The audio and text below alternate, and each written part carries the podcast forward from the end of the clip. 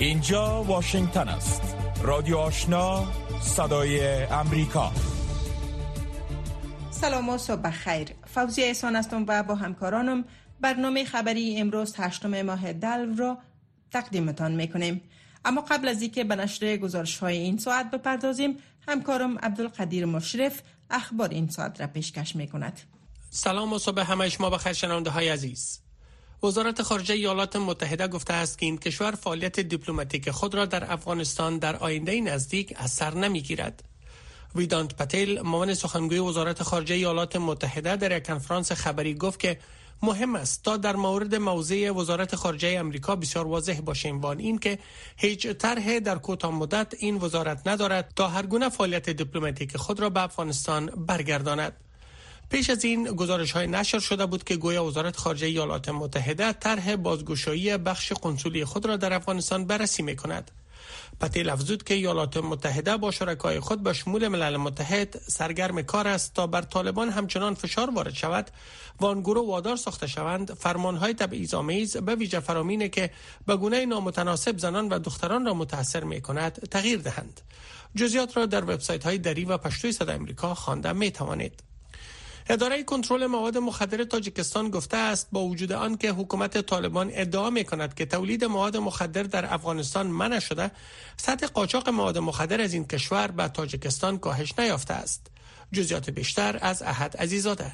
مقبل شاه رئیس مرکز اطلاعات و تحلیل اداره کنترل مواد مخدر تاجیکستان در جریان یک نشست خبری گفت که بر اساس معلومات اداره ملل متحد در امور مبارزه با مواد مخدر و جرایم کشت کوکنار و تولید تریاک در افغانستان 95 درصد کاهش یافته است. اما با آن هم مواد مخدر مانند هیروئین تریاک و متامفتامین ساخت افغانستان به تاجیکستان سرازیر می شود این مقام تاجیکستانی افزود که دلیل عدم کاهش سطح قاچاق مواد مخدر منفعت بیشتر تولید کنندگان مواد مخدر افغان از متامفتامین است.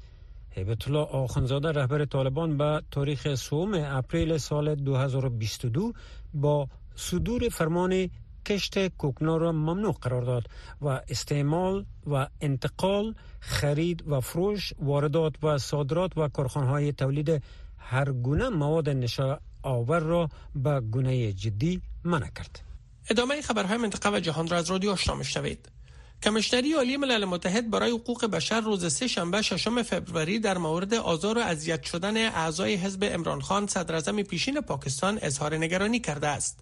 لستراسل سخنگوی کمشنری عالی ملل متحد برای حقوق بشر در ژنو در جریان یک نشست خبری از مقامات پاکستانی خواست تا روند انتخابات آزاد و عادلانه را در آن کشور تضمین کنند.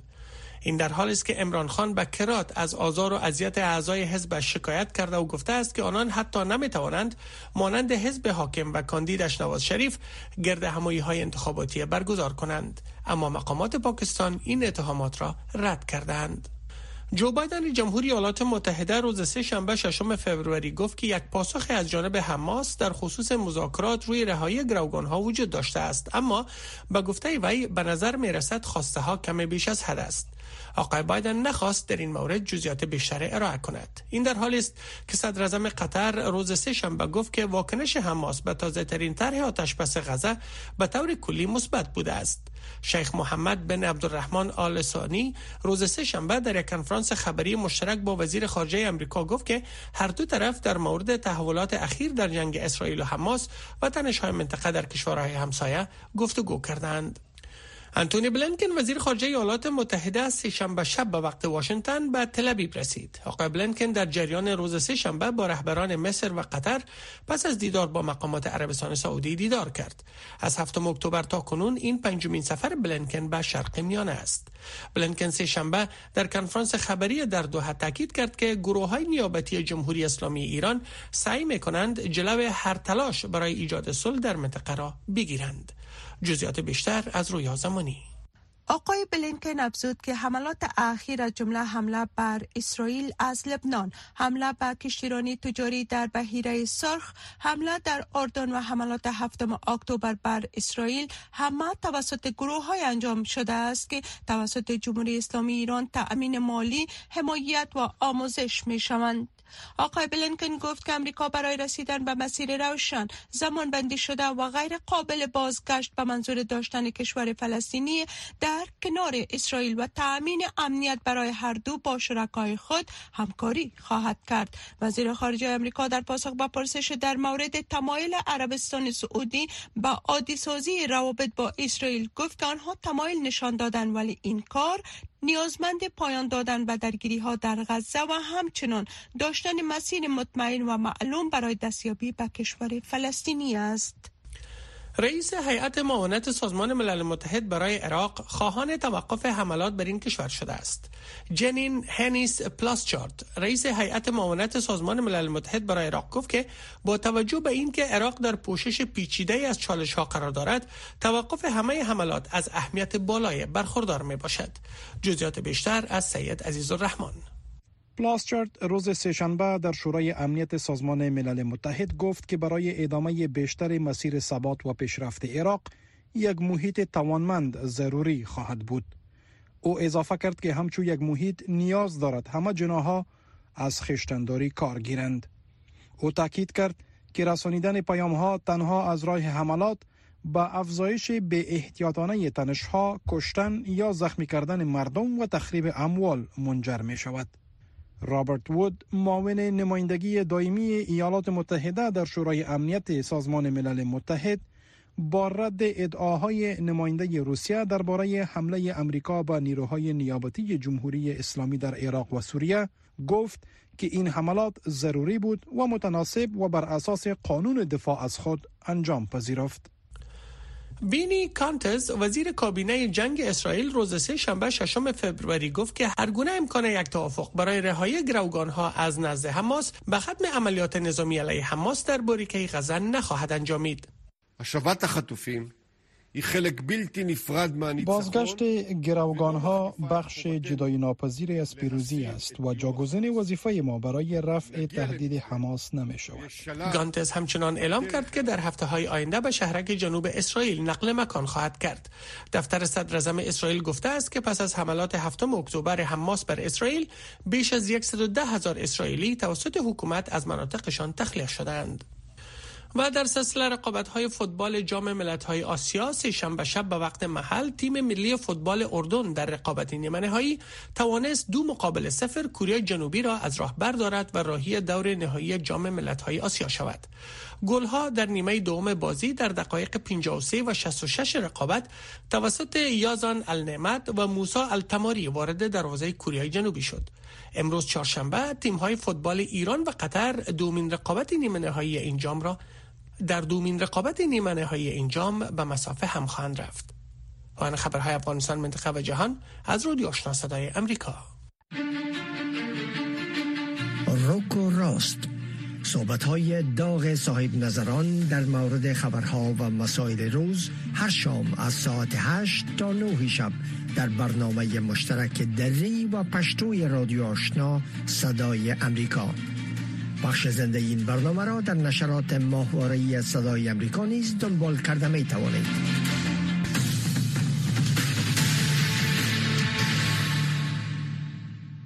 شنونده های گرامی اخبار این ساعت را از رادیو آشنا صدای امریکا شنیدید اکنون می پردازیم به نشر گزارش ها و مطالبه که برای این برنامه تهیه کرده ایم. روسیه برای برگزاری انتخابات ریاست جمهوری ماه آینده آمادگی می گیرد. انتخاباتی که تهاجم آن کشور بر اوکراین که در آستانه دو سالگی قرار دارد و سرکوب مخالفین سیاسی و رسانه ها بر آن سایه افکنده است. برگردان گزارش صدای امریکا در این مورد را ژیلانوری تقدیم می کند. بوریس نازیدین امید رای دهندگان صلح طلب روسی است او یگانه کاندید انتخاباتی است که در اهداف تبلیغاتیش پیشنهاد سریع مذاکرات صلح با کیف در آن شامل است اما ممکن کاندیداتوری وی به زودی لغو شود کمیسیون مرکزی انتخابات روسیه می‌گوید که 15 فیصد امضا در بین بیشتر از 100 هزار امضای که به خاطر منظوری نامزدی خود پیشکش کرده است به اعتبار است. برای شمار از ناظرین بیطرف این یک تصمیم سیاسی است و هدف آن این است که از مواجه شدن رژیم پوتین با یک شخصیت طلب در انتخابات جلوگیری شود. دیمتری پوتاپنکو اقتصاددان و تحلیلگر سیاسی می‌گوید کمیته انتخابات فقط یک مکانیزم تکنیکی است و می‌گوید که تصمیم توسط یک بخش کاملا مجزای رهبری اتخاذ خواهد شد. کمیته انتخابات فقط یک مکانیزم تکنیکی است. تصمیم در جاهای کاملا مختلف گرفته می شود. روسیه یک دولت کاملا فیودال است که توسط جنرال های نظامی اداره می شود. ولادیمیر پوتین نباید در هیچ انتخابات سهم بگیرد. ناجدین به عنوان نامزد حزب ده ساله راستگرای ابتکار مدنی در انتخابات روسیه شرکت می کند. تیم تبلیغاتی او خوب می‌دانند که به احتمال زیاد او را از انتخابات بیرون می کنند. اما مطمئن است که از حمایت زیاد برخوردار است. امکان ندارد که جلوی کسی را که صدها هزار امضا جمع کرده است از شرکت در انتخابات سیاسی بگیرند. ناتجین می‌گوید او درخواست تجدید نظر خواهد کرد. اما اگر او از رقابت ها در نهایت بیرون شود پوتین با هیچ نامزدی روبرو نیست که دیدگاه او را در مورد جنگ زیر سوال ببرد. شخصیت های مخالف سیاسی پوتین مانند الکسی ناولینی و سرگی اودالستوف در عقب میله های زندان به سر می‌برند و فقط حزب لیبرال یبلکو به طور رسمی با عملیات به اصطلاح خاص نظامی تهاجم روسیه بر اوکراین مخالفت رسمی نشان داده است. اما حزب در نهایت تصمیم گرفت که در انتخابات شرکت نکند. نیکولای ریباکوف رئیس این حزب است. او معتقد است که از بیشتر از سی سال بدین سو به مردم گفته شده است که انتخاب یا گزینه آنها مطرح نیست. از بیشتر از سی سال در تاریخ این کشور برای مردم گفته شده که انتخابات آنان اهمیت ندارد. نتایج انتخابات از قبل معلوم است. صدای شما معنی ندارد و کاری کردن نمی توانید تمام سیاستمداران یکسان هستند. در حالی که در تبلیغات انتخاباتی بیشتر مسئله جنگ اوکراین مطرح است برای رای دهندگان روسی دو گزینه وجود دارد. برای جنگ رای بدهند یا هیچ رای ندهند. انتظار به پایان رسید. بینندگان و شنوندگان عزیز بعد از این می توانید برنامه های صدای امریکا را از طریق شبکه ماهواره جدید ببینید و بشنوید. برنامه های تلویزیون آشنا سی دقیقه کاروان و برنامه های رادیو آشنا را می توانید در چنل 469 شبکه ماهواره یاست دنبال کنید.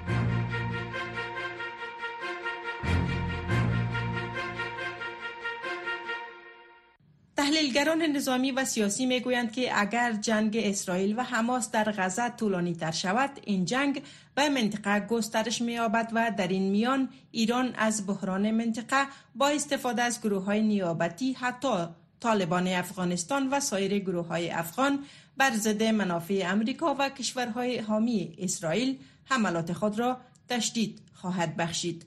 محمد احمدی به بررسی این موضوع پرداخته است. با طولانی شدن جنگ در شرق میانه نشانه ها و نگرانی های نیز از گسترش این جنگ در منطقه و استفاده بیشتر ایران از گروه های نیابتی مختلف خود به ویژه طالبان و سایر گروه های تحت حمایت آن در افغانستان مطرح گردیده است. هوشنگ حسنیاری متخصص مسائل نظامی و استراتژیک در دانشگاه کینگستون کانادا بر این باور است که اگر روابط طالبان و ایران در یک زمان نزدیکتر و محکمتر گردد با توجه به وضعیت غیررسمی حکومت طالبان و مشکلات اقتصادی آن گروه طالبان ممکن به ایران نزدیکتر شود. ممکن هست که طالبان سعی بکنند که هرچی بیشتر به جمهوری اسلامی نزدیکتر بشوند. برای اینکه بتوانند از جمهوری اسلامی همونطوری که گروه های نیابتی در گروه های مزدور در خاور میانه استفاده می‌کنند طالبان هم پولی از این از جمهوری اسلامی دریافت بکنند. در ازای همکاری خود با جمهوری اسلامی برای آزار رساندن و یا اینکه مشکل به وجود آوردن برای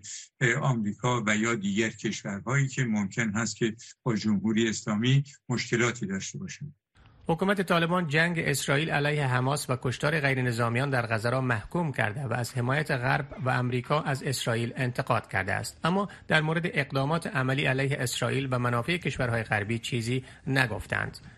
نعیم اساس تحلیلگر مسائل سیاسی مقیم فرانسه می‌گوید که ایران از گروه های نیابتی خود در افغانستان در گذشته در جنگ سوریه استفاده کرده و با توجه به حمایتی که در گذشته از طالبان داشت بعید نیست که حالا از طالبان نیز در صورت تشدید منازعه در شرق میانه استفاده کند. طالبا نه تنها از امروز که از گذشته ها با ایران بسیار یک رابطه تنگ و تنگ داشتند و ایران در سیاست خود نه تنها از طالبا بلکه از تروریسم استفاده می‌کنه شما ببینید که قبل از چند پیش شما چند سال قبل به عمو پسر یا بچه بن لادن در اونجا زندگی می‌کرد فعلا گفته میشه که رهبر القاعده فعلا در ایران است. در تهران یا در جای دیگه در ایران در کشورهای بزرگ ایران زندگی می‌کنند فلهذا ایران به خاطر سیاست خارجی خود تروریسم یا بگویم که نیروهای افراطی را که به شمول طالبا وسیله ساخته.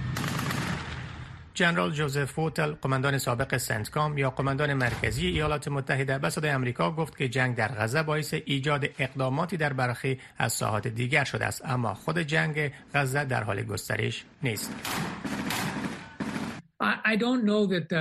فکر نمی کنم که درگیری اصلی در غزه در حال گسترش باشد. اما این درگیری به دیگر بخش های تحت کنترل ایران این اجازه را داده تا حملات و اقدامات را انجام دهد که می تواند این درگیری را گسترش بدهد.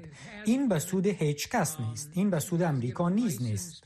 و از آغاز این درگیری رهبری ما به اهمیت اجازه ندادن به گسترش این جنگ تاکید داشته ولی دیدیم که ایران و گروه های نیابتی آن از این وضعیت استفاده می کنند. بله ما باید به چنین چیزها پاسخ بدهیم. نمی توانیم تا یک حمله را که هفته گذشته شاهد بودیم متقبل شویم و به آن پاسخ قوی ندهیم. جک سولیون مشاور امنیت ملی ایالات متحده قبلا هشدار داده بود که امریکا اقدامات بیشتری را علیه تندروان تحت حمایت ایران در شرق میانه انجام خواهد داد.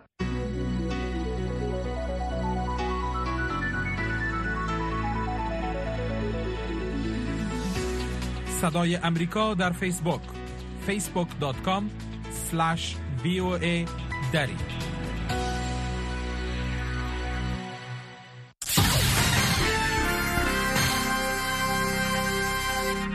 سرمقاله ای را که می شنوید دیدگاه های حکومت ایالات متحده را منعکس می کند. رژیم ایران به تاریخ 23 ماه جنوری محمد قبادلوی 23 ساله را به دار آویخت. او نهمین معترض شناخته شده ایرانی است که در ارتباط با اعتراضات گسترده ضد رژیم در سال 2022 دستگیر و اعدام شد. پس از مرگ محسا امینی 22 ساله در بازداشت پلیس که به دلیل عدم رعایت حجاب گرفتار شده بود ده هزار معترض طور مسالمت آمیز ماها به جاده ها برآمدند. اعتراضات مسالمت آمیز با خشونت وحشیانه مواجه شد. در جریان مظاهرات 500 نفر توسط نیروهای امنیتی کشته هزاران نفر دیگر دستگیر گردیده و تعداد نامعلومی در زندان افکنده شدند قبادلو که گفته می شود با بیماری روانی دست و پنجه نرم می کرد متهم به قتل یک افسر پلیس شد. وی پس از محاکمه که کارشناسان سازمان ملل متحد، سازمان عفو بین المللی و دیگر گروه های حقوق بشری ادعا می کنند که به شدت ناعادلانه بوده به اعدام محکوم شد. وکیل مدافع وی گفت که این حکم استر محکمه ایران متوقف شده اما چند ساعت قبل از کشته شدن معکلش وی از تصمیم اعدام قبادلو اطلاع یافت. ودانت پاتل معاون سخنگوی وزارت امور خارجه در یک نشست مطبوعاتی اعدام قبادلو را محکوم نموده گفت استفاده رژیم ایران از مجازات اعدام به دلیل آنچه که ما فکر می‌کنیم صرفا اعمال حقوق بشری آنهاست مجازات مردم است او خاطر نشان کرد گزارش های گسترده از شکنجه اعتراف های اجباری و محدودیت های برای وکلای مدافع وجود دارد ما معتقدیم همه اینها اعتبار جزئی را که در تصمیمات صادر شده توسط محاکمه ایران وجود دارد تضیف می کند. ایالات متحده امریکا به دنبال سرکوب و در واکنش به سرکوب خشونتبار اعتراضات سراسری توسط رژیم ایران بیش از ده تحریم را بر مقامات ایرانی از جمله اعضای سپاه پاسداران انقلاب اسلامی و نیروهای امنیتی رئیس نهاد زندانهای ایران سایر افراد و رسانه های دخیل در سانسور وضع نموده است. معاون سخنگوی وزارت خارجه اعلام کرد ایالات متحده در هم آهنگی نزدیک با متحدان و شرکای خود در منطقه به اقدامات عملی برای حمایت از مردم ایران چی دیده شده و چی مشاهده نشده ادامه خواهد داد. وی افزود فقط اشاره می کنم وقت نوبت به پاسخگویی رژیم ایران به خاطر فعالیت های بدخواهانش از جمله سرکوب مردم آن کشور می رسد ما از اقدام دریغ نخواهیم کرد. آنچه را شنیدید باستاب دهنده نظر حکومت ایالات متحده بود.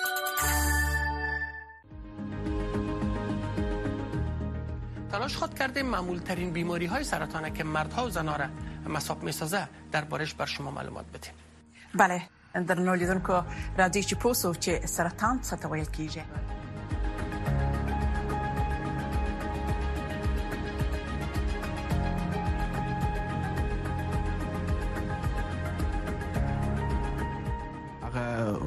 ابتدایی علایم چې د سرطانی؟ هغه باندې باید پوه شي چې شاو ندارم روز ندارم و مریض قناعت بده به شکل درستش. که مریض وادار به این شود که بیای به تداوی این برنامه را شنبه ها ساعت پنج عصر با وقت کابل از ستلایت و شبکه های اجتماعی دری و پشتوی صدای امریکا مشاهده کرده می توانید. سازمان حفاظت از کودکان می‌گوید که بر اساس ارزیابی پنج سازمان بین المللی زمستان گرمتر از حد اوسط و کمبود برفباری نشانه های شوم بدتر شدن شرایط اقلیمی و خشکسالی در افغانستان است که بدترین خشکسالی را در سی سال اخیر متحمل شده است. این سازمان می که کودکان و زنان باردار آسیب پذیرترین قشر جامعه از این ناحیه هستند. شرح گزارش در این مورد را نجیب خلیل پیشکش می کند. سازمان های اقدام علیه گرسنگی، گروه بین المللی صحی، امداد اسلامی در سراسر جهان، سازمان بین المللی حفاظت از کودکان و مؤسسه بین المللی World Vision با نشر اعلامیه در اشاره به برفباری های بسیار کم در افغانستان هشدار دادند که کمبود آب ناشی از سه سال خشکسالی و بحران های بشری افغانستان عمیقتر خواهد شد.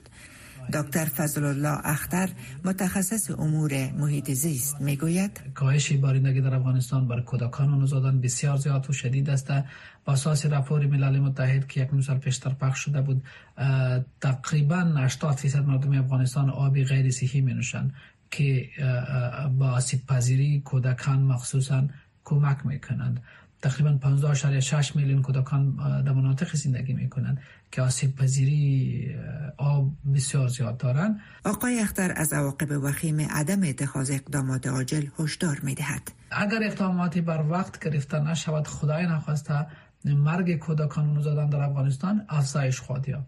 سازمان حفاظت از کودکان تاکید کرده است که بر اساس برآوردهای جهانی 7 میلیون و 800 هزار کودک در سال 2024 غذای کافی ندارند و اگر شرایط خشکسالی ادامه یابد زندگی کودکان همچنان در معرض خطر قرار خواهد گرفت. سازمان حفاظت از کودکان گفته است که 4 میلیون زن باردار با شمول بیشتر از 3 میلیون کودک زیر 5 سال از سوی تغذیه حاد رنج می‌برند. بیشتر از 800 هزار کودک به سوی تغذیه حاد شدید گرفتار است و بیشتر از دو میلیون کودک دیگر به سوی تغذیه حاد متوسط مبتلا اند. به اساس اعلامیه سازمان حمایت از کودکان، کودکان و خانواده های آسیب پذیری که برای امرار معیشت به زراعت متکی هستند بدون افزایش باران و برف به طور قابل توجه متضرر خواهند شد. سازمان حفاظت از کودکان می‌گوید حدود 25 ولایت از 34 ولایت از شرایط خشکسالی شدید و فاجعه بار رنج می‌برند و بیش از 50 درصد نفوذ 40 میلیونی این کشور متاثر شدند. کارشناسان از جمله ولی مدقق متخصص امور محیط زیست راه حل کوتاه مدت و دراز مدت را چنین بیان می دارد. دو راهکار وجود داره یک راهکار کوتاه مدت و یک راهکار دراز مدت در راهکار کوتاه مدت هرچی زودتر و زیادتر باید کمک های بشر دوستانه به مردم آسیب پذیر رسانده شود. هم از طرف نهادهای بین المللی و جامعه جهانی و هم از طرف دولت از طرف حاکمایی که فعلا وجود دارد موجود هستند در افغانستان.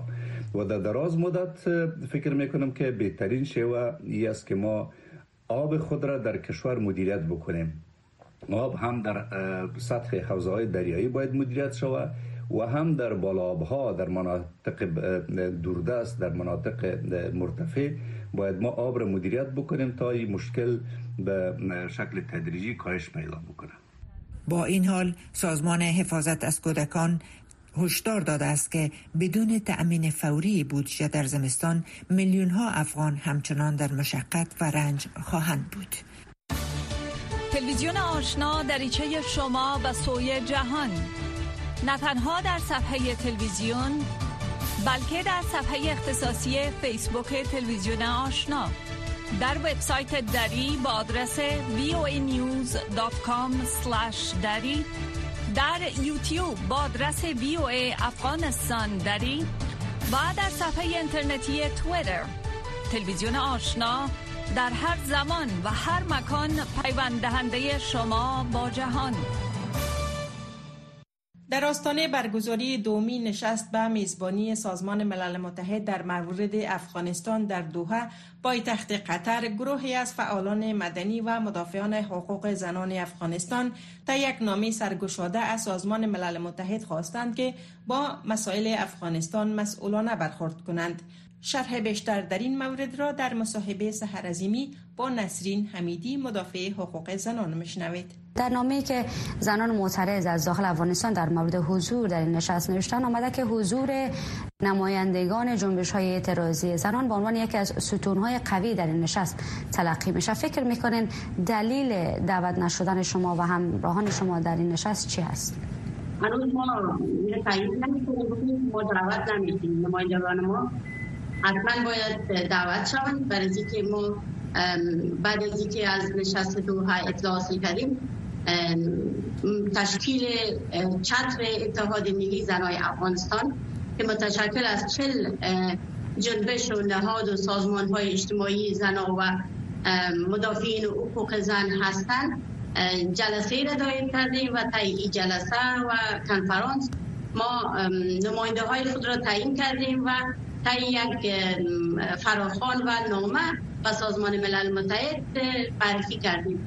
و از سازمان ملل متحد خواستیم تا در این نشست نمانده های واقعی زنای افغانستان کسایی که واقعا در طول این سی ماه بعد از آمدن حاکمیت طالبان به افغانستان مبارزه کردن باید حتما این جلسه حضور داشته باشند و صدای دادپایی از اینا شنیده شود. و بله. حضور فیزیکی از اینا عدمی از در این جلسه. بله. شما اشاره کردین به نمایندگان واقعی زنان. آیا سایر زنانی که در بیرون از افغانستان هستند و ادعای مبارزه برای حقوق زنان افغان دارند به نظر شما از شما و سایر زنان معترض در داخل افغانستان نمایندگی کردن نمی‌تونن؟ خب من نگفتم که نماینده ها حتما از داخل افغانستان.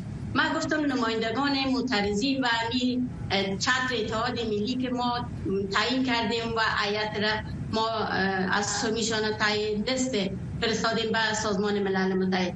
هدف ما از این نماینده ها است. نه آنهایی که قبل با اوهیت های مختلف که با شما شناسایی داریم با چیره های سوخته و موره های سوخته که قبلا به خاطر هر جلسه که اشتراک کردن صرف اونمو مسائل ارتباطات بوده و کسایی بودند که به خاطر منافع خودشان و امو خواسته های خودشان تن به تعامل دادن و خواست اکثریت زنای افغانستان نادیده گرفتن و دستاوردهای 20 ساله زنای افغانستان به معامله گرفتن به نظر شما نادیده گرفتن جنبش های زنان معترض در داخل افغانستان در همچو نشست های بین المللی که بسیار مهم هم هست چه پیامدی می‌تونه داشته باشه؟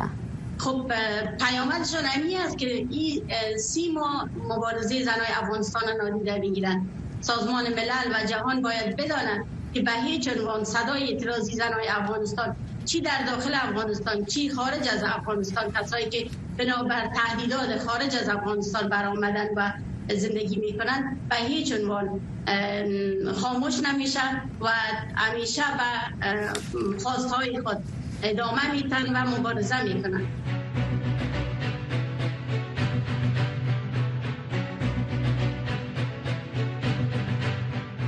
شنونده های گرامی این بود داشته های نیم ساعت نخست برنامه صبحگاهی رادیو آشنا صدای امریکا. تا لحظات دیگر همکارانم برنامه خبری بخش پشتو را پیشکش خواهند کرد. من و همکارانم تا نیم ساعت دیگر دوباره با شما خواهیم بود. وقت خوش داشته باشید.